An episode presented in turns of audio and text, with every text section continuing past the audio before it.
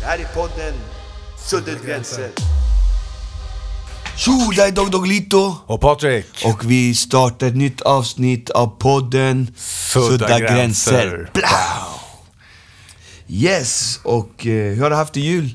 Haft det jul. Ja, det är bra. Jag har varit i eh, Norge och eh, ätit dålig julmat. Okej. Eh, och sen passade vi på att dra iväg till, eh, till Spanien en vecka också med familjen. Så det var skönt att få lite, få lite Nice. sol på sig. Liksom. Själv då? Oh, det har varit full rulle. Spelningar, shower, rest runt i småstäder och showat lite. Men nu ska vi inte prata om det. Vi ska ju prata om nytt avsnitt, ny podd och gå igenom lite vad vi har gjort. Precis, precis. Ja, vi ska försöka göra en liten lista på egentligen det som vi har... Ja, vi har ju träffat massa människor och gått igenom olika punkter då, så att säga. Men först ska vi lyssna på ett, eh, ett avsnitt där vi ska träffa några personer som jobbar med flyktingar. En, Okej. Ja, en kompis till mig som heter Zoe. Och jag menar, de kan, om någon kan svara på liksom det här som till exempel Jimmy Åkesson sa. Att det måste finnas liksom tio år för att, för att människor ska komma in i vårt samhälle och bli svenskar, liksom ta normen och sådana saker. Vi ska lyssna lite av med dem, de som ändå träffar flyktingar som kommer hit. Om Som det- jobbar på fältet Precis, säga, precis. liksom, De är de här första djup- som möts liksom. Djupa frågorna. Precis, vi ska lyssna lite på dem, vad, vad, de, vad de tycker om, om de punkterna. Det här är podden Suddet Gränser. Yes, nu har vi en gäst här idag i vår podd Sudda gränser. Zoe, välkommen. Hej, tack. Vem är du Zoe? Eh, vem är jag? Jag eh, kommer från Järna, eh, ursprungligen från Åkersberga. Jag eh, har jobbat länge med barn och ungdomar. Och för cirka två år sedan så började jag att eh, tillsammans med en marockansk man som jag volontärarbetat med på ett transitboende började dela ut mat och kläder i Stockholm. Eh, bland eh, de barn och unga och papperslösa från Nordafrika som befinner sig här i stan. Eh, och utifrån det, utifrån de barn och unga vi träffade, så startade vi en organisation som heter Habibi, en barnrättsorganisation. Okej. Vad, eh, vad jobbar, jobbar med, ni med i organisationen idag? Idag så, vi driver barnrättsfrågor, så att vi driver både enskilda ärenden, barn och unga som eh, blir inlåsta till exempel på SIS. Och vad är Eh, SIS för någonting? SIS är Statens institutionsstyrelse. Det är en, en ja, ins- institution med, som är låst. Eh, där man hamnar på av olika anledningar. Eh, det kan vara kriminalitet, det kan vara droger, det kan vara att du avviker från boende, att du vagabonderar som det heter. Det kan vara att du har självskadebeteende. Det kan vara att du är, kommer från en socialt utsatt familj. Att du har mycket problem med familjen och avviker från familjen. Och att man inte hittar en annan, ja, en annan lösning. Det kan vara olika anledningar. Och då hjälper ni till med själva det caset då eller? Ja, det, det som vi jobbar främst med till exempel när det kommer till sådana ärenden, då är det, handlar det om eh, längden på en inlåsning. Jag menar, om du till exempel är dömd till fängelse, då har du alltid ett tidsbestämt straff. Nu pratar vi om barn, i många fall så är det barn under 15 år, som blir inlåsta på obestämd tid. Det är alltid så här, om du sköter det här, om du gör det här, då kommer du komma ut. Eh, och vi har träffat på barn och unga som har varit inlåsta upp till tre år. Vi har träffat på barn och unga som är så unga som eh, 12 år, som har suttit ett och ett halvt år.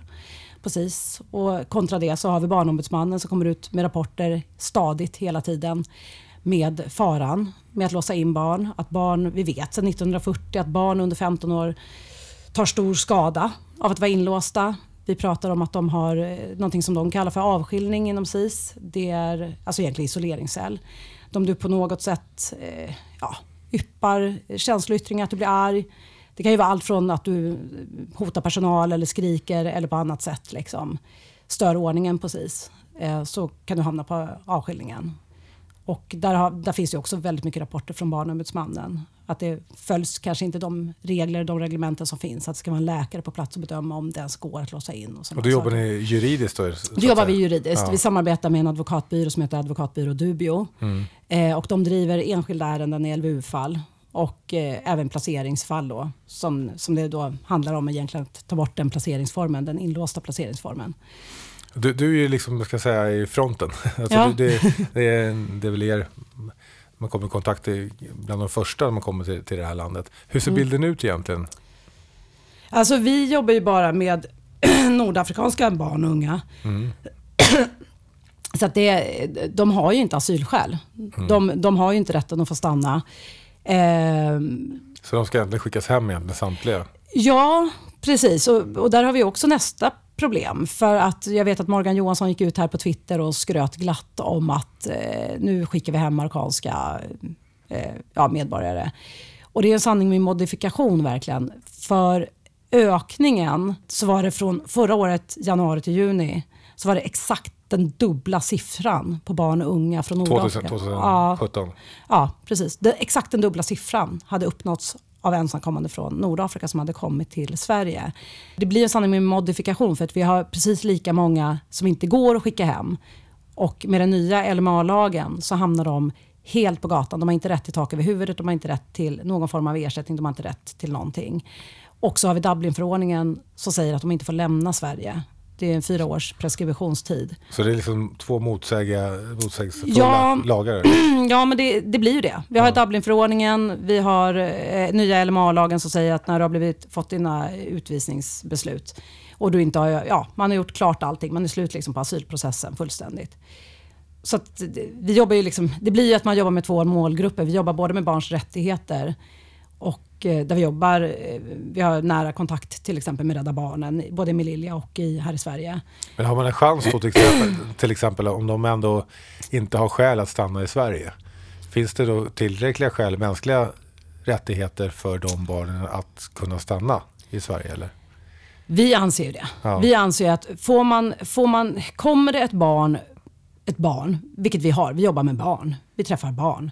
Eh, kommer ett barn som har tagit sig till Sverige, eh, att, att förneka den rätten utifrån barnkonventionen och utifrån mänskliga värderingar. Att låta den växa upp i Sverige när vi vet, vi har en rapport från år 2013-14 där Migrationsverket i Sverige har gjort en studieresa och gjort en dokumentation i Marocko som säger att det går inte. Det man säger är ett ordnat mottagande till exempel på barnhem i Marocko, de är undermåliga. Det sker övergrepp. Det är liksom eh, på alla sätt övergrepp där. Det är liksom det går inte. Vi kan, det är inte ett ordnat mottagande att skicka ett barn till ett barnhem i Marocko. Det vet vi, så vi skickar inte ut barn. Men och då låta ett barn vara här från 10-11 års åldern tills den är 18 och sen så har den, får den sina avslag under tiden. Det strider mot barnkonventionen. Det strider mot alla barns lika värde att få växa upp i en trygg miljö och ha rätt till att vara ett barn. Det är ganska lätt för många människor det är ganska lätt för många människor att sitta hemma och säga så här, men vi har tagit hit för mycket, det funkar inte och så vidare. Och så vidare. Liksom, vad är det för antal av individer vi pratar om? Eh, jag vet inte siffran på, på andra ensamkommande. Jag kan siffran på, på ett ungefär på nordafrikanska. Och jag skulle tippa på att i Sverige så är det väl 800 ensamkommande från Marocko. Då är det ju inte, nu har ju flera av dem hunnit bli mellan ja, 800 så har vi ett skuggtal som inte går att visa ut. Så kanske runt 1000 stycken som befinner sig, som har kommit som ensam, ensamkommande. Ehm, det, det är inte en stor siffra. Nej, det är en ganska liten siffra. Ja. Vi, vi har ju haft äh, en rad olika gäster här och folk har tyckt olika saker och ting. Eh, Jag och Dogge tycker väl kanske inte lika i alla saker och ting men man tycker väl ändå att man måste hitta någonstans någonstans- någon, någon kompromiss och sådär. Men det finns ju några på, påståenden. Till exempel då Jimmy Åkesson och Sverigedemokraterna menar ju på det att ja, de som kommer hit då att det kommer ta ungefär tio år för dem att de ska bli accepterade som medborgare i det här landet och så vidare. Att det ska finnas ett kunskapsprov för människor som kommer hit. Eh, och att det är någon form av integration och att det liksom ska på något sätt att man ska bevisa att man gjort sig ja, har gjort sig på något sätt liksom värd att bli svensk eller något liknande om man tolkar liksom Sverigedemokraterna. Liksom. Ni träffar ändå människor i första ledet. Vad tror ni om de typen av idéerna? Liksom? Oj. Eh, Alltså skulle det funka rent praktiskt? Jag menar om folk kommer hit och säger så här, hej, nu, eh, ni som kommer hit, eh, ni är välkomna, men det kommer ta tio år för er att bli Ja, accepterade i det här landet. Eh, och sen så ska ni Ja. skriva ett kunskapsprov liksom, som kommer in. Du kan ju paketera in det där så att, att det är liksom ett sätt Ja. att bli integrerad i samhet. Men vad, vad känner Ja. du, vad tror du om, eh, av de typerna av Alltså, idéerna? Liksom? Ja, alltså jag, jag, Utan jag att svära. Ja, precis. Utan att svära. Eh, det är en intressant idé med tanke på hur det ser ut idag. Där man placerar, är du över 18 år så får du bo på någon av Migrationsverkets boenden. Eh, vilket innebär att, innebär att du kan bo på ett boende där det bor alltså, flera hundra. Eh, och där har du som vuxen till exempel så jag tror jag pratade med någon uppe, var det Kalix kanske? Kalix eller Luleå pratade jag precis med ett, eh, en personal på Migrationsverkets boende där. Det var flera hundra som bodde där. Två gånger i veckan så hade de lektioner på svenska. Och det här är då människor från hela världen. Det är då människor med flyktingstatus, det är människor som kanske har kommit hit och sökt skydd av olika anledningar. Um, och jag tänker att men redan där har vi fel. Hur integrerad blir man om man bor på en jättekasern där det jobbar människor. Den här killen jag snackade med hade väldigt svårt med svenskan. Eh, hur integrerad blir man där? Absolut, ut i samhället. Och där har man ju sett att till exempel i de här eh, mindre städerna där man verkligen öppnat upp armarna och tagit emot flyktingar oavsett vilket land det har varit ifrån. Där har ju integrationen gått väldigt, väldigt snabbt. Att placera flera hundra på ett och samma ställe som har gått igenom krig, eh, gått igenom eh, det man går igenom, övergrepp, krig, fruktansvärda saker. Eh, man får inte psykologiskt stöd. Utan det är, så, det är klart att det blir svårt med integrering. Alltså. Mm. Det, så är det ju. Det blir jättesvårt. Det är så många bitar i det här. Eh, sen är jag helt övertygad om att det går att integrera utan att göra att man måste ha ett, en kunskapstest för det. För de flesta människor som kommer hit och har flytt och vill vara här, vill vara integrerade. Mm. Utan det handlar om systemet, vad man gör av människor. Att man placerar på ställen där det kanske bara bor människor från andra länder. Det blir väldigt svårintegrerat. Men, mm. men det är ju en komplex fråga. Den är jätte, jättekomplex. Är den ju, liksom. Mm. Jag, jag menar, vi är ett ganska stort land och ja. inte så jättemycket människor som Nej. bor i det här landet. Men jag tycker att eh, när inte vi har ett system mm. så blir det ju svårt liksom, att kunna integrera människor i det här ja. landet. För det har vi ju totalt sett misslyckats med ja. under, under de här sista åren. Liksom. Det har varit to totalt ja. Eh, haveri, enligt mitt tycke i alla fall. Eh, och jag tycker så här, om man inför ett system där man liksom går igenom den här typen av Alltså att man sätter inte alla på samma ställe, man mm. ser till att det finns liksom kanaler ut, att det finns mentorer, att det finns lotsar och sådana saker. För mig som entreprenör, ja. jag ser inte det som ett jätteproblem att sätta upp en sån, eh, ett, Nej, ett system och funka. Jag håller med dig. Men varför tror du inte, varför, ja. varför, varför, tror du inte man har satt upp ett sånt här system? Jag vet inte, jag tror att man är rädd att bli kallad, alltså jag menar så, alltså, nu kommer vi tillbaka till det här lilla rasistkortet liksom. Mm. Jag tror att man är jätterädd att betraktas som främlingsfientlig om man ställer krav. Eh, och jag tänker så här, om jag skulle fly från mitt land, då, då kanske man väljer ett land där man vet att landsmän finns. Eh, eller så hamnar man i det land man hamnar i. Men man har ju man har gjort en lång resa för att komma till Sverige. Mm. Det är en jävligt lång resa. Det är klart att det finns en önskan att passa in. Mm. Även fast önskan kanske, jag vet att det är många som längtar tillbaks, så vill tillbaks till sina länder. De har flytt av en anledning. De, det är inte för att de vill lämna sitt land, det är för att de måste. Mm. Eh, och, och jag tänker att det är många som längtar tillbaka, men samtidigt så är ju inte de människor jag möter, jag möter ju inte bara ungdomar från Nordafrika. Man möter ju, när jag var, jobbade som volontär på det här transitboendet, jag mötte ju människor från hela världen. Eh, och de var ju så lyckliga över att få vara delaktiga. Man gjorde saker, man gjorde grejer med barnen, eller man gjorde dem delaktiga matlagning. Att bara sitta och vänta, det är ingen människa som blir lycklig av det. Jag är helt övertygad om att det går att göra ett riktigt grymt system. Där man på något sätt, jag menar idag så många som inte får jobba, de ska sitta och vänta tre, fyra, fem år. Sitta och vänta på svar från Migrationsverket. Tänk om man istället skulle sätta ut dem i arbete, att de får jobba. De får känna sig delaktiga, får känna sig viktiga, vara en del av samhället. Det är också ett sätt att integrera, att en människa känner att man är delaktig i samhället. Men placerar man den utanför, för det gör man ju med nordafrikanska pojkar, de är ju utanför. Mm. De kommer aldrig bli en del av samhället. Hur, hur får man in dem i samhället när de vet att de inte ska få stanna? Men, men ta ett exempel där till exempel, den gruppen som du jobbar med. Ja. Vad är det som händer med den gruppen eftersom de, liksom, de, de på något sätt har ju Sverige sagt att mm. nej, ni är inte välkomna här. Mm. Liksom. Vad, vad, är det som händer med dem? Vad blir för konsekvenser av att inte liksom, vi pratar om 800 individer, ja. det är ju liksom inte så jättemånga människor, nej. men vad, vad blir för konsekvenser av den här gruppen? Det här är inget svenskt problem, utan det här är ett problem som är i hela Europa. För att det här är jag vet inte om det var en författare eller om det var på en, en, ja, en tidning där det stod som huvudrubrik De oönskade barnen. Och det här är verkligen de oönskade barnen. Man skulle kunna sätta det, i, alltså jämföra med de romska barnen. Att, att man, det är okej okay att inte tycka om marockanska barn. Nu, nu, nu generaliserar jag och säger mm. marockanska barn, för det är mest marockanska pojkar vi jobbar med. Eh, det är okej okay att vara rasist mot dem, det är okej okay att inte gilla dem, det är okej. Okay, och det här gäller hela Europa. Eh, var med i Barbès, jag var i uppsökande arbete i Barbès i Paris och såg när en polis slog en av våra pojkar som har rymt från Sverige, slog honom i ansiktet. Jag la mig i och blev genast, fick ett otroligt så hotfullt bemötande. Eh, det är okej att slå barn, för att det är marockanska barn. Och det har varit samma sak för romska barn, att man inte inkluderar jag vet att det eh, finns en, en professor nere i Lund som har gjort en, en jämförelse. Hon gör en avhandling just på det. Det handlar om, hon jämför de två grupperna. Liksom. Att det, det här är liksom ett europeiskt problem. Så konsekvensen av det här blir ju att vi, det vi har skapat nu och det som har pågått under så lång tid, vi skapar ett skuggsamhälle. Vi, vi, det är redan barnen vet att de inte tillhör. Redan när de är små vet de att de inte tillhör. De är inte önskade någonstans. Och man ger dem det här utanförskapet, man trycker det här utanförskapet på dem. Så de skapar ju egna. De har ju liksom som egna familjebildningar, de skapar ett eget samhälle med egna regler. Ett helt utanförskap. Och, jag menar, och det är livsfarligt. Mm. Det, är, det är farligt på riktigt. Och då blir det kriminalitet? Och det blir, det blir liksom, kriminalitet, ja. det blir trafficking, det blir det otroligt utsatta. Det, det, det, är barn som vi, ingen vet vart de är. De försvinner.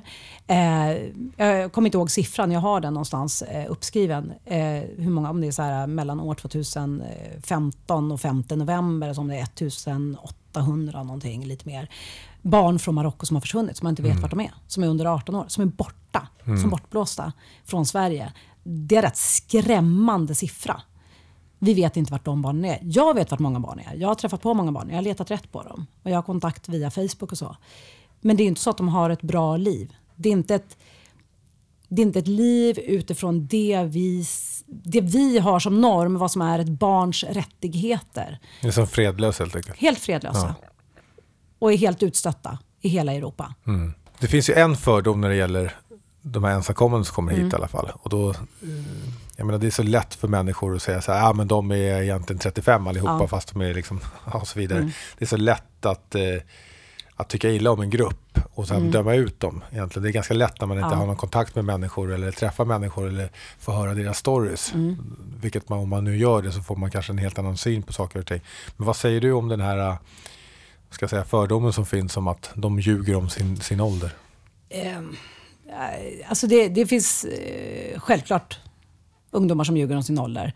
Eh, det skulle jag också gjort om jag flydde för mitt liv. Alltså nu, nu pratar jag generellt om ja, de som har kommit dit med flyktingstatus. Eh, för, för att överleva. Eh, den målgruppen jag jobbar med, där skulle jag vilja säga, ja det har funnits de pojkar som har ljugit. Som har varit ja, men kanske runt 20-årsåldern och hävdar att man är 16-17. Eh, jag kan tänka mig att andra myndigheter har andra siffror också. Men jag skulle säga att de flesta av dem jag möter, det är barn på riktigt. Mm. Sen kanske man säger att man är 13 fast man är egentligen 14-15, men det är fortfarande ett barn. Det är fortfarande ett barn som i Sverige hade kanske största oron hade varit huruvida man ska ta körkort eller inte ta körkort eller vilket gymnasieval man ska göra. Och de här barnens största oron är liksom hur ska man få mat för dagen eller jag, ska jag få stanna i det här landet eller jag vet inte vart jag ska ta vägen och inte känna sig trygg någonstans. Men en av eh, vår tidigare eh, gäster i vår podd då, som heter Dan Korn, han menar ju på att det är vårt system som egentligen inbjuder till det här. Vi har ett system mm. som egentligen bygger på att man tjänar på att, att ljuga om sin ålder ja. man, och så vidare. Men ta ett exempel att om du betalar en flyktingsmugglare och mm. kommer in i Sverige illegalt mm. och dyker upp på en polisstation så har du ganska stor chans att du, att du får stanna i landet och du betalar mm. ganska mycket pengar för att komma in bakvägen in, in i mm, Sverige mm. så att säga. Men däremot om du tar en vanlig flygbiljett för några tusen lappar och hamnar på Arlanda så blir du vägskickad med en gång. Alltså, mm. Han menar ju på liksom att hela det här systemet som vi har bygger egentligen på att man ska ljuga eh, åt det hållet. Vad, vad, säger, vad tror du om det? Det är en stor skillnad på att komma som under 18 och över 18.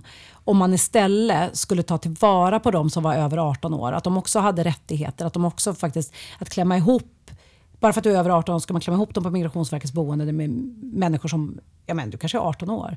Och så får du sitta med 45, 50, 70-åringar som mår väldigt dåligt psykiskt, som har flytt eh, posttraumatiskt stresssyndrom. Eh, det är vakter som är på plats för att det är så oroligt, för att folk mår så dåligt psykiskt. Då skulle jag också ljuga och säga mm. att jag var 16 istället och få en chans att ha ett normalt liv. För 18 då är man inte gammal. Nej. Man är fortfarande barn. Eh, om man istället hade ändrat på det systemet, att ja, men är du är du 18 år eller över, då är det liksom utifrån jag menar, att man faktiskt inte klumpar ihop alla. Jag tror att det ligger en stor fara i det.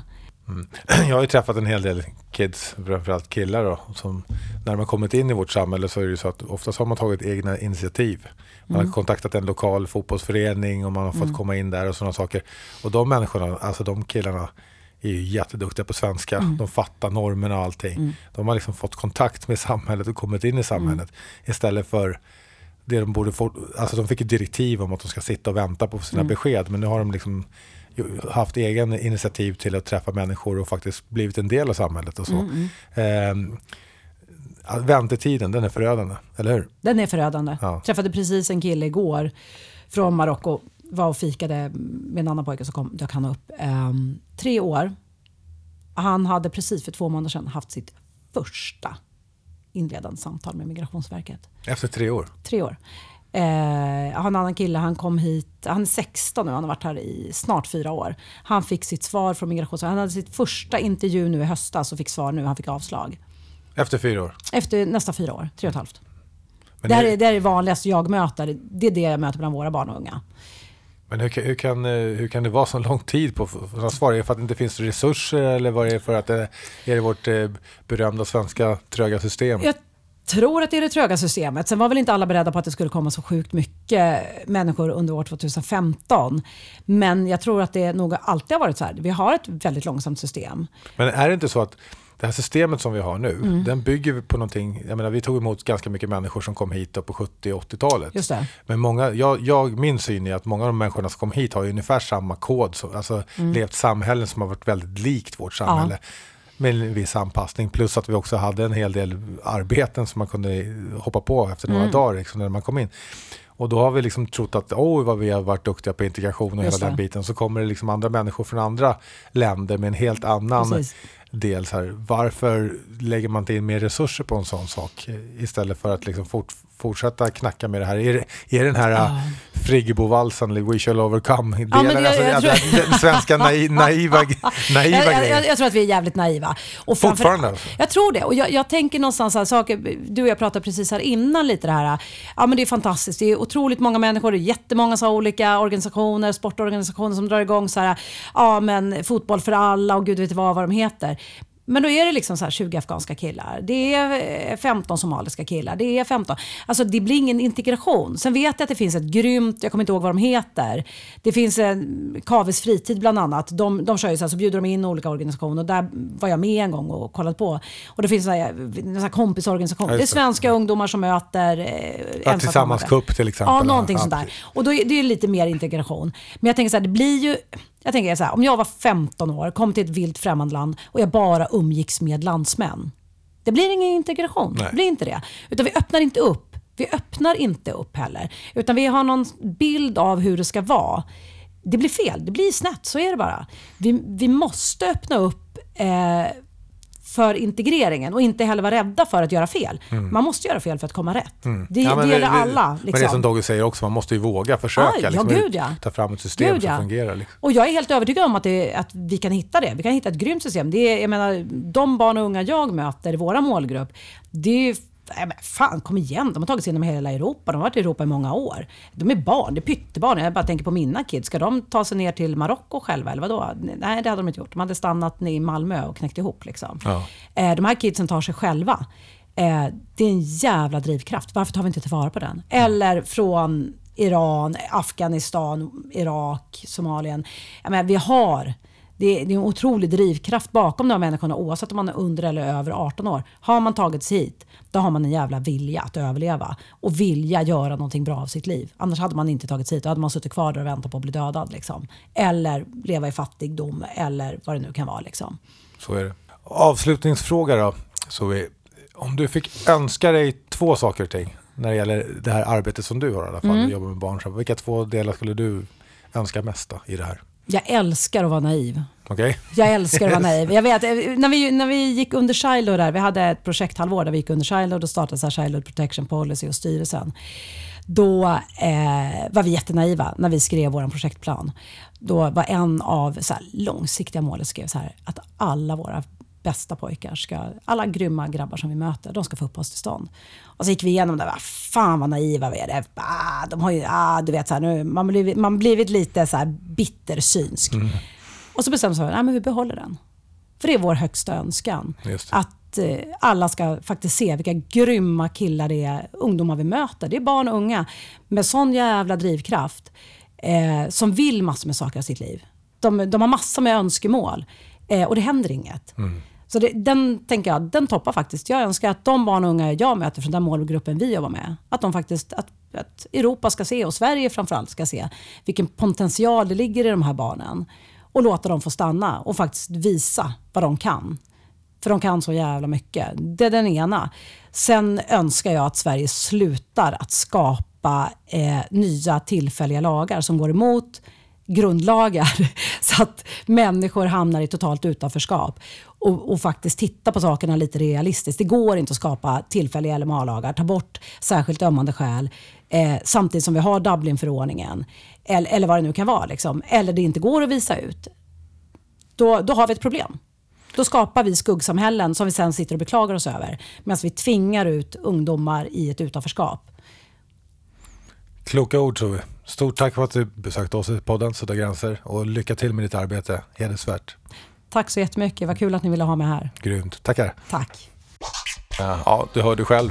Ja, det var mycket tankar och saker där.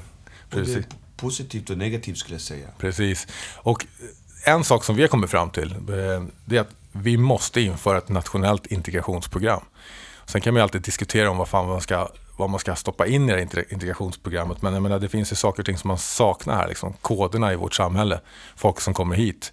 Jag, menar, vi, jag, jag tror att vi har ju haft ett eh, system när människor har kommit hit på 70 80-talet. Människor som har haft ungefär typ samma koder som, som oss, eh, som svenskarna som bor här.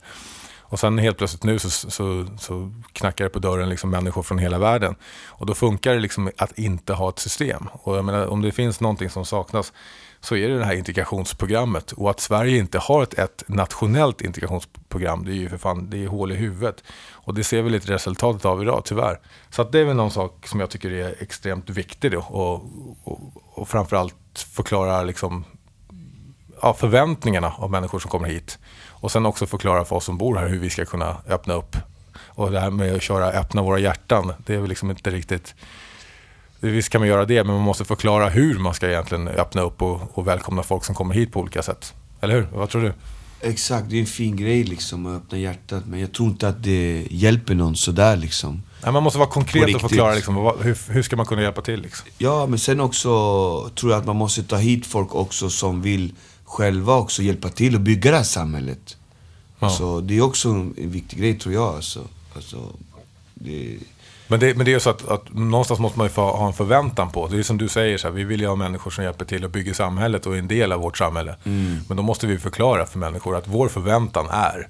Och det, allt det där liksom Exakt, det är en saknas. lång tråd liksom. Det är flera grejer. Det är skapa jobb, göra jobb och eh, ta bort bostadssegregationen och skapa mötesplatser. Och, jag tror det är flera grejer liksom. Vi ska, vi ska lyssna på Dan Korn, eh, författaren som vi intervjuade, Mm. som, har, som har skrivit i flera olika böcker. Ska vi höra på hans citat? Okej. Tänk på en nykomling, kanske en flykting. Som någon, ber, som, någon, som någon som ber att få spela i en fotbollsmatch för första gången. Han vill delta, men han har ingen aning om vilka regler som gäller och han står genom hela matchen lite vid sidan om. Alla klagar på honom och efter några försök är det ingen som passar till honom längre. Han förstår inte vad han gör för fel och bestämmer sig för att de andra inte gillar honom. Han vänder och går därifrån. Han är ännu mer exkluderad än vad han var innan han kom till planen. Han känner sig ovälkommen, avvisad och annorlunda. Detta är den eländiga ställningen som så många invandrare och deras barn och barnbarn har hamnat i. Självfallet måste han anstränga sig och lära sig reglerna. Men någon måste också visa honom vad det är. Alright, fett nice. Ja, vad tycker du? Det är väl samma... Det är lite... Danne verkar kunna sin grej liksom. Det är en bra liknelse med fotboll alltså. Det här är podden Suddet gränser. Sverige idag känns inte igen som Sverige liksom. Alltså, för mig är en svensk en upplyst person och idag känns vi inte så upplysta. Idag är svenskarna trötta, idag är invandrarna trötta, idag är flyktingar trötta. Alla är trötta idag liksom.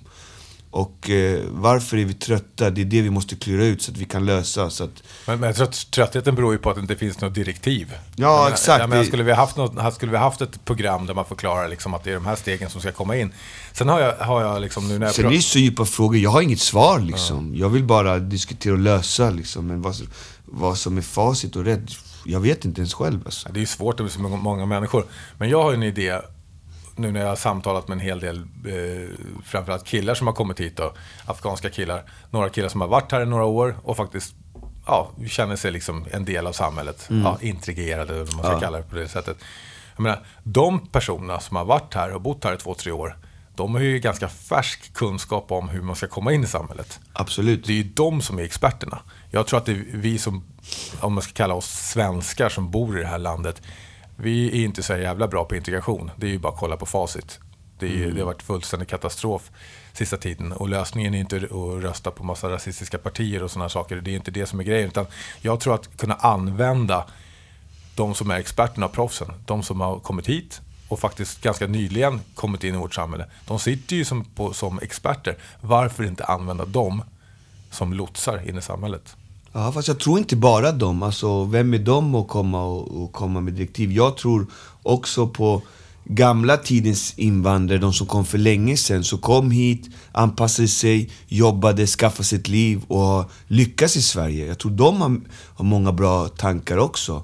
En kom- en kombination av äldre De kom ju generationer. på 70 80-talet och har lyckats idag, fått barn, barnen blivit vuxna, de har också fått barn, de är mormor, morfar och mormor nu. Och de har ju lyckats liksom Men de är ju klara sig. eller hur? De är ju experterna. Ja, de måste ju Ja, vara ja. experterna, eh, mer än de som bara kommer nu och har bott här något år. Ja. Men sen har ju, alltså, invandringen har ju ändrats och flyktingarna har ju ändrats. De har ju kommit från nya ställen i världen där det ser ännu mer annorlunda ut kanske. Och jag vet inte, tiden ändras, befolkningen ändras och vi måste också vara redo att förändras. För om man inte vågar förändras, då kan man inte vara med i framtiden. Man kan inte titta bakåt tror jag. Liksom. Man måste titta framåt. Så vi måste vara redo också att förändra oss, förändra oss. Men den förändringen måste ju vara väl uttänkt och bra så att det blir rätt för alla parter. För att så som det är nu tror jag inte på... Det här är inte hållbart känns det som. Och det är därför vi har folk som skriker högt just nu. Det är olika partier, det är olika människor och alla känns... Alla är arga och trötta nu liksom. Det, Man, man kan, man det är kan, inte rätt väg nu i alla fall. Nej. Jag kan eh, citera en lärare i Rinkeby. Hon är själv eh, invandrad eh, från, från Jugoslavien, var en av de som kom på 70 och 80-talet. Ja. Hon sa det att jag är ju kock i mitt gamla yrke. Hon säger jag älskar ju salt. Ja. Eh, och ha lite salt i soppan är gott, men det här all salt i samma soppa, det är inte speciellt bra. Och det är väl lite så det har blivit nu när man inte haft ett system där man har låtit folk komma in i samhället, utan man egentligen skjuter ut dem mot de här miljonprogramsområdena och så blir det en massa problematik som har varit. Så att konklusion helt enkelt. Skaffa ett system som fungerar, för systemet fungerar inte. Och lösningen tror, Exakt. tror jag är ett, eh, ett nationellt integrationsprogram. Sen måste man ju arbeta fram det, det programmet, men framför allt använda sig av de som har en erfarenhet som har kommit hit och bott här i flera år. Det är Och de som har klarat sig och lyckats, Ja, visst, vad de- gjorde de för att göra det? de är experterna. ja, det vi som, som politiker och vi svenskar som bor här, det är bara att kolla facit. Vi har varit totalt värdelösa. Men sen tror jag också så här också att i Sverige finns ju ett ord som är lagom. Och jag tror så här, vi kan inte hjälpa alla och det måste vi acceptera. Att vi kan hjälpa lagom. Det är väl bättre att, att ta 10 pers som man utbildar, gör dem till supermedborgare, än man tar kanske 100 pers och så blir bara en supermedborgare. Jag vet inte, jag, jag tänker mer så. Alltså, Man måste också eh, börja liksom ifrågasätta lite mer och sluta med dalteriet. Men Tyvärr. det, men det är det att man har inte vågat ta tag i de här frågorna, så jag hamnar på fel plan. Ja, jag tror det alltså. Jag... Och sen hjälpa folk som behöver verkligen vår hjälp liksom. Mm. För att just nu tror inte jag att vi hjälper någon. Vi tror att vi hjälper massor med folk, men vi hjälper ingen. De här människorna har flytt från krig och knas och liksom... Det, det är inte hjälp att bara ta dem hit. Alltså, Mm. Jag tror att eh, hjälp är något helt annat Mm. än vad vi tror att det är. Liksom. De har ju hjälpt sig själva i stort sett för att ta sig hit. Och sen måste vi sluta med dalteriet, allt det här fusket och det. Så. Ja, man får ta tag i det här. För jag tror att det sabbar hela grejen också. Folk är trötta, folk är arga och man måste lyssna på dem också. Jag tror man måste lyssna på alla parter. Man kan inte bara gå och skälla ut någon. Och, alltså, det finns fel hos alla och det finns bra hos alla också. Mm. Ett system som fungerar, helt enkelt. Ja, ett system. Sen vad det vi är systemet, jag har ingen, jag har ingen svar på det tror jag. Liksom. Men, men man måste starta ett sånt Jag program. kan ge en liten del vad jag tror, men någon annan måste ge en annan del, en annan del. Och sen arbetar man ihop något bra liksom, eh, program som, som är hållbart. Yes, vi, vi går vidare med mm, andra punkter. Vi snackar om det här, mycket skjutningar. Det har varit väldigt mycket fokus på de här skjutningarna som har, som har skrämt upp mig och, och säkert alla andra också i det här landet. Eh, vi sitter ju inte med världens eh, liksom, lösning, men det finns några pusselbitar som jag tror är jätteviktiga in i det här. Vi har ju intervjuat Samir Sabri. Eh, han som eh, han verkar med sin, sin förening Second Chance som hjälper människor att komma tillbaka in i samhället från fängelse och så vidare. Eh, och han menar också på att man måste ju liksom jobba mera lokalt.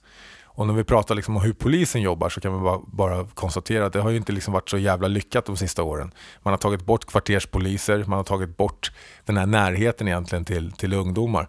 Så att eh, en konklusion som jag har fått då, utav det här det är att man måste på något sätt införa tillbaka de här kvarterspoliserna, ha närhet med, med lokalbefolkningen eh, och framförallt börja rekrytera människor lokalt. Det här vi var inne på. Ja, det tror jag. Alltså, om en polis ska jobba i sådana här områden måste det vara en polis som är uppväxt och kan det området och kan koderna som gäller där. Och känner folk. Och känner folk där, det tror jag. Jag tror inte man kan komma från landet och komma in i de här förorterna och jobba. Man, man, då blir det direkt en krock som liksom inte gynnar någon, tror jag faktiskt. Rekrytera människor lokalt helt enkelt. Ja, det tror jag. Sen vet man ju att poliser har inget bra betalt. De offrar sina liv för skitpengar och eh, de är alldeles för få och de har ingen power liksom. Och det tror jag också måste ändras på flera punkter där, där man måste det, ställa också. upp på dem också liksom. Ja. Men, men sen tror jag också att polisen som jag har pratat med Mm. snackar också att de känner sig inte uppbackade. Nej, exakt. Ja, men det är det- det jag spör. De måste ha mer uppbackning. Ja, så är det de ju säger att här tar vi buset men de, men de kommer ju ut dagen efter. Liksom. Ja. Så, att, så att själva den delen måste skärpas till. Sen är det en annan sak också. Dalteriet måste slutas med. Det. Vi, vi har inte råd med det i vårt samhälle tror jag Nej. faktiskt.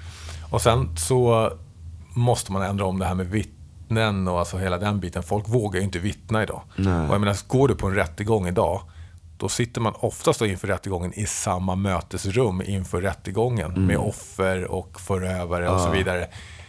Det är ju helt galet. Man måste, alltså folk känner sig så jävla osäkra. Så vi måste skapa liksom en säker plats för till exempel våra tingsrätter och, och liksom hela den delen. Och framförallt låta folk få vittna och få känna att de är uppbackade och få skydd. Som det är nu så har man pratat med människor som har varit med och vittnat som säger så här. "Ah, Det största misstaget jag har gjort, det är att vittna. Jag har fått ett helvete efter det. Jag får ju flytta liksom. Och det där är ju helt fakt alltså. Helt fakt. Så man måste ju på något sätt, där måste samhället backa upp de som faktiskt vågar vittna. Ja, exakt. Ja. Det, det är många bitar som... Alltså, Sverige är ett fantastiskt land på många sätt och jag tror någonstans så... Våra regler som funkade för 20 år sedan, de, de gäller inte alltid idag. Liksom. För Nej, det, är, inte det, det är en ny tid längre. Vi har inte, vi har inte hängt med riktigt. Utvecklingen har gått så fort. Och där måste vi eh, vara med att parera alla de här nya problemen som kommer med olika säkert lagändringar och uppbackningar och, och allting liksom. Och det känner jag att eh, när folk märker att de här hålen som finns i, i vårt samhälle utnyttjas, utnyttjas ju lite för mycket liksom, tyvärr. Precis. Och Men- det, det, det är synd för att Sverige är ett bra land och det är ett bra... Vi har så... När jag var liten var Sverige ett eh, föregångsland liksom. Och jag hoppas ju att en dag att vi kan vara ett föregångsland för resten av världen. Och just nu är vi ett exempel på, till exempel i Amerika, de använder oss som exempel på hur, se när man tar invandrare, se vad dåligt landet blir liksom. Och det, där vill vi ju inte vara. Det passar sig inte tycker jag i alla fall. Ja, Sverige har blivit ett dåligt exempel i världen. Ja, och det, det är jättesynd för att vi har ju trott att vi hjälper folk här. Men jag tror inte vi har hjälpt någon i stort sett liksom, med det här systemet som har varit sista tiden. Nej. Det systemet funkade på 70-talet, men idag är det nya tider. Ja. Vi Och- måste hitta på något nytt, något bättre, Och något mer systemet, hållbart. ja, när systemet inte funkar så skapar det tyvärr massa för, alltså fördomar och skapar menar, du och jag är ute och föreläser. Vi Ja, ja, ute, ute och föreläste i skola i, i, precis innan jul här. Ja. Och liksom föreläser mot rasism och den delen. Men det gäller ju det gäller att förstå liksom var, vad det är som skapar fördomar och liksom vilka mekanismer som finns och allting. Det är det vi pratar om när vi är ute och föreläser. För att ungdomar ska försöka förstå att man kan att ett system som inte funkar är inte lika med tecken att man ska tycka illa om andra människor. Liksom. Det, är, det är två helt skilda olika Exakt, delar. Liksom. för fördomar har ju alla liksom. Precis. Jag har fördomar, du har fördomar, det Precis. visar vi ju liksom. Ja. Jag, jag trodde det ena och det andra om det ena och det andra och du också. Och liksom, fördomar har alla och det kan vi nog aldrig bli av med. Nej. Men vi kan upplysa om fördomar, upplysa om rasism och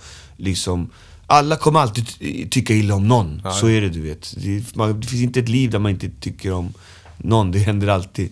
Men eh, jag tror upplysning, information är viktig och eh, det, det är det vi gör på våra föreläsningar och det är väldigt, väldigt bra tror jag. Liksom. För att eh, ko- människor, vi föds likadana och jag tror vi kan leva tillsammans likadana hela livet. Men eh, det är också så här, globaliseringen är redan här för länge, länge sedan. Liksom. Man kan inte stoppa det, hur man än vrider och vänder på Därför, men det är som det är. därför måste vi för, våga förändras. Precis. Det som var på 70-talet, det var då, det var nice. Men det är nya tider nu liksom. Eh, nu har jag jobbat i snart, eh, ja, snart är det nästan 20 år med sociala projekt. Mm. Alltså jag har varit på Fryshuset, jag har skapat det här Djurgårdsandan, nu håller jag på med Goodsport, Ja. stiftelsen. Och skapat, vi jag ska inte sitta och skryta liksom, men många av våra projekt har varit extremt lyckade. Fryshusprojekt som också varit extremt lyckade. Andra projekt som Fotboll da Forza och andra Sissi som vi träffade som pratar om jämställdhet och, och, och, och den delen. Förstärka liksom kvinnors roll i samhället. Det finns mängder med bra projekt runt om i vårt samhälle. Men varför finns inte ett departement, alltså från staten, regeringen, där man liksom dammsuger sådana här bra projekt som faktiskt fungerar, tar in dem, skalar upp dem och får en spridning över hela Sverige. För mig är det helt jävla obegripligt och det är en jävla frustration att när man gör saker och ting som faktiskt funkar i vårt samhälle som löser delar av de här problemen med integration och bostadssegregation och hela den delen. Så här, varför tar man inte upp det här som ett gott exempel och får det in i systemet? Varför tror du att det är så? Eh, jag tror att det är flera eh, aspekter. Alltså, jag tror att eh, idag finns inte samma resurser kanske som fanns för länge sedan, först och främst. Visst, och jag tror att det satsas på fel saker. Liksom. Och sen idag, eh, jag kan ha fel men jag tror förr i världen var politikerna folkvalda. De, det var en stolthet ändå att vara folkvald och försöka göra det bästa för landet och folket. Idag är politikerna, vill de göra bara karriär för sig själva. Och eh, det tror jag är en farlig utveckling tyvärr. Och då, då, är, då blir inte projekt så intressanta för att de vill ju ändra och göra samhället bra. Medan någon som är, har den makten, de är ju bara där för att göra karriär och tjäna pengar. Sen vill alla tjäna pengar, jag också, okej. men alltså, jag tror att vi måste tillbaka till det här att politikerna vi väljer måste vara sådana som vill vara där och för att förändra samhället och eh, är där för, för, för de som har röstat på dem. Liksom. Men, men, men här Jag, jag, tror det, jag tror Sverige är tyvärr korrumperat skulle jag säga på många plan. Alltså, tyvärr. jag, jag, jag drar som en linje. Det är så Ja. att antingen, det finns två sorters Och politiker. sen är det hål i statskassan. Liksom. Det, vi satsar på helt fel saker. Liksom. Och det, det är fel idag. Mycket fel idag. Liksom. Jag tycker bara det finns egentligen två saker och ting. Antingen är det folk som snackar skit. Det är skitsnack. Mm. Ja. Det här ska vi göra, det här ska vi Ja, göra, men det, är här det, tror det, är vi på. det, det, är de som, det är de som bara är där för att få tjäna för sig själva. Ja. De skiter egentligen i dig och mig och samhället. Det är de skitsnackare. där, ja, de är där för att... Och de har... Jag tror den procenten har blivit mycket mer i politiken än för 20 år sedan. Med populist och man ska sälja Ja, in sitt namn Exakt. och, hej och det där. Det, de, de går hellre i snygga kavajer än att eh, liksom göra någonting bra i, för Sverige tror jag. Sen de har vi- tror att de gör någonting bra, men jag tror inte de gör det. Jag tror att politikerna i, i dagens Sverige är sämre än någonsin. Tyvärr. Men bara för att man tror och tycker saker och ting så förändrar man inte saker och ting i vårt samhälle. Så jag tycker att det finns, som jag sa, det är skitsnackarna, den andra delen, det är faktiskt människor som gör något. Ja, men sen tror jag också det, det är en annan stress idag liksom. Idag är det, Sverige har blivit eh, ett materiellt land, kapitalistiskt land och allt det här eh, digitala gör att folk blir förvirrade. Man ska ha mer än vad man ska ge, så att säga, tror jag. Och det, det är en farlig utveckling, tror jag, som också gör att eh, det ska, girigheten skapar ju allt det här eh, negativa, tror jag. Att istället för att eh, dela resurserna bra i vårt samhälle så att samhället kan må bra. Vårt samhälle mår inte bra idag, folk mår inte bra. Och eh, ja, man läser ju ibland någon handikappad som blir av med sin ersättning och konstiga grejer. De gamla, man, de får bara ett halvt ägg för vi har inte råd. Och, och det, det, alltså, fördelningarna idag är inte rättvisa. Girigheten har tagit grepp om vårt samhälle. Och det gör att vi ser de här sjukdomarna ligger som sjukt över vårt samhälle. Och det är där vi måste lösa mycket. Och det är de här politikerna som bara snackar, som inte gör någonting, som rånar egentligen välfärden. Men, eh, Tror jag. Liksom. För, för mig, alltså, folk lever sina liv, det rullar vidare, det blir jul, man köper julklappar och så vidare. Det blir Mm. Ja, ja. påsk och det blir hela där grejen. Men, men om du tittar liksom på hela mönstret på, på Sverige på tio år. Mm. Jag menar, när jag var liten så kunde man läsa tidningen om så här, åh, någon blev mördad. Eller hur? Ja, ja. Det mordet, det stod ju om i, i tre månader. Ja, nu dör folk varje dag. Ja, och Så det löstes också när vi var små. Till slut hittade någon som hade gjort det där liksom. och nu sker det varje dag. Ja, nu vet de inte ens vem som har gjort vad. Eller liksom. Så, så, så, att, så att här måste man, alltså, man måste liksom samla ihop saker och ting nu. Och gör, alltså, ta tag i ett grepp, alltså ett järngrepp Ja, ja, över en, liksom en allt det här som sker. nationell liksom. samling behövs göras, tycker jag. Där, där vi liksom tar tag i alla de här problemen, de här djupa frågorna. För det, det är flera frågor som inte mår bra, som måste lösas. Alltså det är inte bara... Det går inte att skälla, skälla allt på invandrarnas fel. För det, det, det är flera saker här. Alltså. Nej, men, jag, alltså, vi, vi, hade ju, vi träffade Jimmy Åkesson. Han Ja. kom till vår podd, eller Ja. Mm. vi intervjuade honom. Och, och så här, jag tycker liksom så här att det blir också fel. Man måste förstå att människor reagerar. Ja, jag, ja, jag, jag, absolut. jag satt i en timme igår Ja. med en kille då som är sverigedemokrat och han, han var rasist och han tyckte det, liksom, det ena efter det andra. Efter en timme så började han förstå saker och ting, att man kan liksom inte döma ut människor bara därför att och så vidare. Liksom, det tog ganska lång tid. Nu är inte jag ute som jag håller på och- och propagerar hela tiden. Liksom så. Men jag hade en ganska bra diskussion med honom. Så här, för vi, och det var likadant med Jimmy Åkesson. Man hade en bra dialog med honom. Jag tror inte att Jimmy Åkesson är rasist. Däremot så samlar ju han människor i den där, i den där samlingen så finns det rasister. Liksom. Ja, Men- fast det, jag, jag skulle säga så här, rasism allt det här, det är så, här så slöseri med tid. Mm. Liksom, vem har tid att bara tycka illa om någon för att han ser ut på ett visst sätt? Det är så slöseri med tid. Alltså, rasism är liksom någonting som tillhörde det förra se- seklet, 18, 17 och 1500-talet. Alltså vi är 2018 nu liksom. Det, det är liksom... Det där är, det är så idiotiskt att tänka bara så här, tycker jag, när jag tänker på det liksom. Och sen har jag också fördomar, jag är inte perfekt. Och jag kan säkert skoja om någon som ser annorlunda ut eller något. Men, men jag tror att jag tror att hela det där tänket måste liksom ändras på något sätt. För att vi alla är människor och nu handlar det om djupa samhällsfrågor. Jag skulle säga att rasism, ja, finns i vårt samhälle och det finns folk som har rasistiska tankar, ja. Och har vi tid att ändra dem? Kanske någon, ja. Men egentligen har vi inte riktigt tid att liksom, det är ingenting att satsa på tror jag. Liksom. För att det, det är någonting som tillhörde flera hundra år sedan. Det kom fram på den tiden. Idag är det en ny tid. Det, vi måste titta framåt liksom. Och det... Det där, de, när de lever kommer de själva snubbla på sin egen fördom liksom. Förr eller senare liksom. De träffar någon brud från Afrika eller de får barn med någon brud från Thailand eller Ja, men det är- det är de, bara- det är bara att kolla på mina- träffar någon schysst kille från något annat land. Alltså, det, livet kommer göra att Ja. det, det, fördomen kommer komma i deras feja. Och även mig, även dig, även alla. Så att det, jag skulle säga visst man ska arbeta mot det och kämpa mot det, och absolut. Men jag tror att vi måste vara smartare än så. Vi har ett samhällsproblem nu, ett samhälle som inte mår bra. Och det är andra frågor som vi måste lösa. För att om folk mår bra och har bra upplevelser i livet, då kommer de inte tänka på att ah, han ser annorlunda ut och han är dum i huvudet.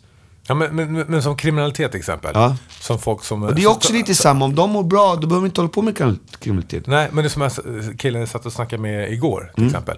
Han sa ja men det är för mycket gäng och det skjuts och allting och det beror på invandring och allting. Då sa jag så här, jo men det har, det har med kriminalitet att göra. Det Ja, men han var ju svensk, eller hur? Ja, jag tror att han var Ja, svensk. det är svenskarna själva som har tagit hit invandrare. Ja. Det är ingen annan. Det är inte invandrarna som har tagit hit invandrare. Svenskarna själva har tagit hit invandrarna. Mm. Om jag bjuder hem dig på kaffe och inte tycker om dig, då får jag väl skylla mig själv. Mm. Alltså, alltså man måste också se sitt ansvar. Alltså vad man har skapat och gjort. Och nu är vårt samhälle som Nu det är, är de idag. här Ja, och vi visst. kan inte skicka hem två miljoner människor. Det är helt omöjligt och det kommer aldrig hända. Det kommer aldrig hända liksom. Så att, eh, det vi måste göra är att förändras själva och bygga det bästa och samla alla kanaler och alla människor. Ha en nationell samling och lösa de här frågorna. Vad är det vi kan göra? Hur kan vi bygga vårt samhälle bra? Och det bästa är, tror jag, att få människor att må bra. Om människor mår bra, då har de inte tid att vara kriminella, de har inte tid att uh, vad de nu är, vara rasister eller vad det är och andra. Och, och, och hur ska de må bra? Det är när de har jobb, de har pengar, de kan röra sig, de kan göra grejer. Alltså, jag tror ingen vill vara kriminell. Jag tror ingen heller vill vara rasist. Jag, jag har svårt att se att vill du gå runt och hata alla de här människorna? kanske finns någon som vill det. Ja, jag hade dålig barndom, jag hatar allt och alla. Okej, absolut. Då får du göra det. Men det är liksom också att säga nej till massa vad heter det, bra grejer i livet. Och vem vill göra det? Jag tror ingen människa vill göra det. Och vi kan börja investera med de som har idéer, de som har tankar, de som vill förändra samhället, de som är där ute på fältet, de som vi träffar, alla de här Samir, Sissi, Jimmy i viss mån, Armando, alla som är ute och, och jobbar verkligen på fältet och gör förändringar i vårt samhälle så att folk som mår dåligt kan må bra. Och det kan vara nattfotboll, det kan vara ett parti de skapar, eller jag vet inte. Alla hittar någonting, men jag tror det är det viktigaste. Våga investera i folk. Det är den bästa investeringen vi kan göra, tror jag, i Sverige. Och det, det är viktigt idag, för att idag blir ungdomar kriminella. De blir mördare i unga åldrar, liksom. Ska vi ha det? Det var sånt som vi läste om hände på andra ställen i världen. Nu har vi det här på våran eh, bakgård, liksom. Och jag vet inte... Jag bor, jag bor runt Glo- Globen i Stockholm. Ja, vi det har varit måste- över 40 skjutningar på ett år. Liksom. Ja, vi måste lösa det på något sätt. Och det är flera saker som måste händas. Liksom. Det, det tror jag. Det är mycket som måste händas. Vi har inte hängt med. Utvecklingen har gått väldigt, väldigt fort. Men, men vi, Och- vi, vi sitter men, ändå men inget är omöjligt. Liksom. Nej, nej. Men alltså, vi sitter ändå med ett gäng pusselbitar som vi tycker är bra. Det här med integrationsprogrammet, Mm. Ja. och det här med att rekrytera poliser och... Alltså, vi, vi sitter ju ändå med en massa pusselbitar. Och, så här, och, och vi måste ju få ut det här på något sätt. Mm. Och vad tror du är det bästa för oss liksom, när vi hittar en sån här konklusion? Hur får vi ut det här? Liksom, Ska vi bilda ett parti eller vad ska vi liksom börja käbbla med politiker? Eller liksom så här, vad, vad tror du? Vad gör Alltså vi jag bäst, har liksom? ingen, jag kan inte säga så här, jag sitter med värsta facit här. Jag är musiker i grunden. Och då tänker jag så här, vad är jag bäst på? Det är att göra musik och sprida glädje genom musik. Och kanske sprida information genom musik. Som jag sa, för mig är inte svensk idag en blond med blåa ögon. För mig är en svensk en person som är upplyst. Som liksom är kunnig, förstår, kan mycket saker bor här. som bor. Han kan se ut hur som helst, ha vilken färg som helst idag. För att det har gått så långt idag i Sverige. Liksom. Och det är en upplyst person. Och då tänker jag så här, hur kan jag på bästa sätt få den här upplysta personen att få hans uppmärksamhet och informera han om de här frågorna? Vad är det bästa jag kan? Det är ju genom musik. Vet du vad vi gör? Vi gör en fet jävla platta. Exakt, det var därför jag tänkte att vi ska göra en skiva där vi uppmärksammar de här äh, frågorna, de här äh, allt det här som bubblar nu liksom. Och samla de bästa musikerna, bästa producenterna på en skiva och eh, bombardera samhället musikaliskt för att få en debatt kring de här frågorna. Så att vi kan debattera, alla parter möts, alla människor möts. Alla, han som inte är rasist, han som är rasist, han som är kriminell, han som inte är kriminell, han som har varit kriminell, han som är trött på... Alltså, alla människor möts. Och det tror jag blir det bästa hur, det tror jag är det bästa jag kan göra i alla fall. Liksom. Det är att, att gå den musikaliska vägen. För jag är ingen politiker. Jag har ingen värsta utbildning i det här. Och jag har inget facit i hand. Så här ska vi göra. Jag, jag kan bara vara arg och rappa på skiva. Och, och det, kan, det är bästa sättet jag kan sprida det här på. Vi gör en platta. Vi gör en platta. Det är det vi kommer göra. Så att, eh, är du intresserad också, håller på musik, är duktig eller någonting, hör av dig. Det kanske finns något för dig också på den här plattan. Vad vet vi liksom? Eh, Rage for change. Ja, exakt. Alltså, idag ska man ge en del till Sverige, men man ska också eh, ge en del till världen. Alltså världen, det är inte bara i Sverige vi har problem. Det är, I hela världen är det problem. Det är fattigdom, det är krig, det är naturkatastrofer, det är miljöförstöring. Isbjörnarna dör. Alltså, naturfotografen skulle gå och filma isbjörnarna och de mådde så dåligt när de såg hur isbjörnarna sakta men säkert dog. Liksom. Och vill vi ha det så liksom? Det, det, Nej, musik är ju... ett- Barn dör av bomber som är made in Sweden liksom. Och, ja, ska vi ha det så här liksom? Det, Det är som, ja, precis som du säger, barn som dör från saker och ting som produceras i Sverige. Ja, vi- Som vapenexport till exempel. Vi har liksom 150 företag i Sverige som levererar vapenteknologi till andra länder, bland annat till Jemen. Och där faktiskt folk dör av produkter som kommer från Sverige. Det är också såna här sjuka jävla grejer som man... vi måste få upp på, många liksom. frågor till ytan. Och, eh, Nej, vi rockar sönder med det här. All right, tack för alla som har lyssnat. Det var ett fett samtal här. Vi hoppas att ni hör av er. Maila oss till Patrik at goodsport.se. om ni har frågor eller om ni vill ha gäster som vi ska bjuda in. Eller om ni själva har lite svar på, på den här diskussionen. Och nästa podd, då har vi fokus på musik. Det är fokus på musik, det handlar mer om musik och kanske lite politisk musik. Se Politisk vad, musik, vad, vad politisk musik har ändrat i världen liksom. Man vet att på 60-talet var det en stor grej liksom. Mm. De förändrade världen på många sätt liksom. Ge freden en chans och allt vad det var. Var det Precis. John Lennon och de som sjöng och liksom. Jag Precis. tror, jag tror det är dags för sån grej igen liksom. Så nästa avsnitt kommer handla om musik. Och eh, dela med er, hör av er. Det här är podden Sudda, Sudda gränser. gränser. Det här är podden Suddet gränser.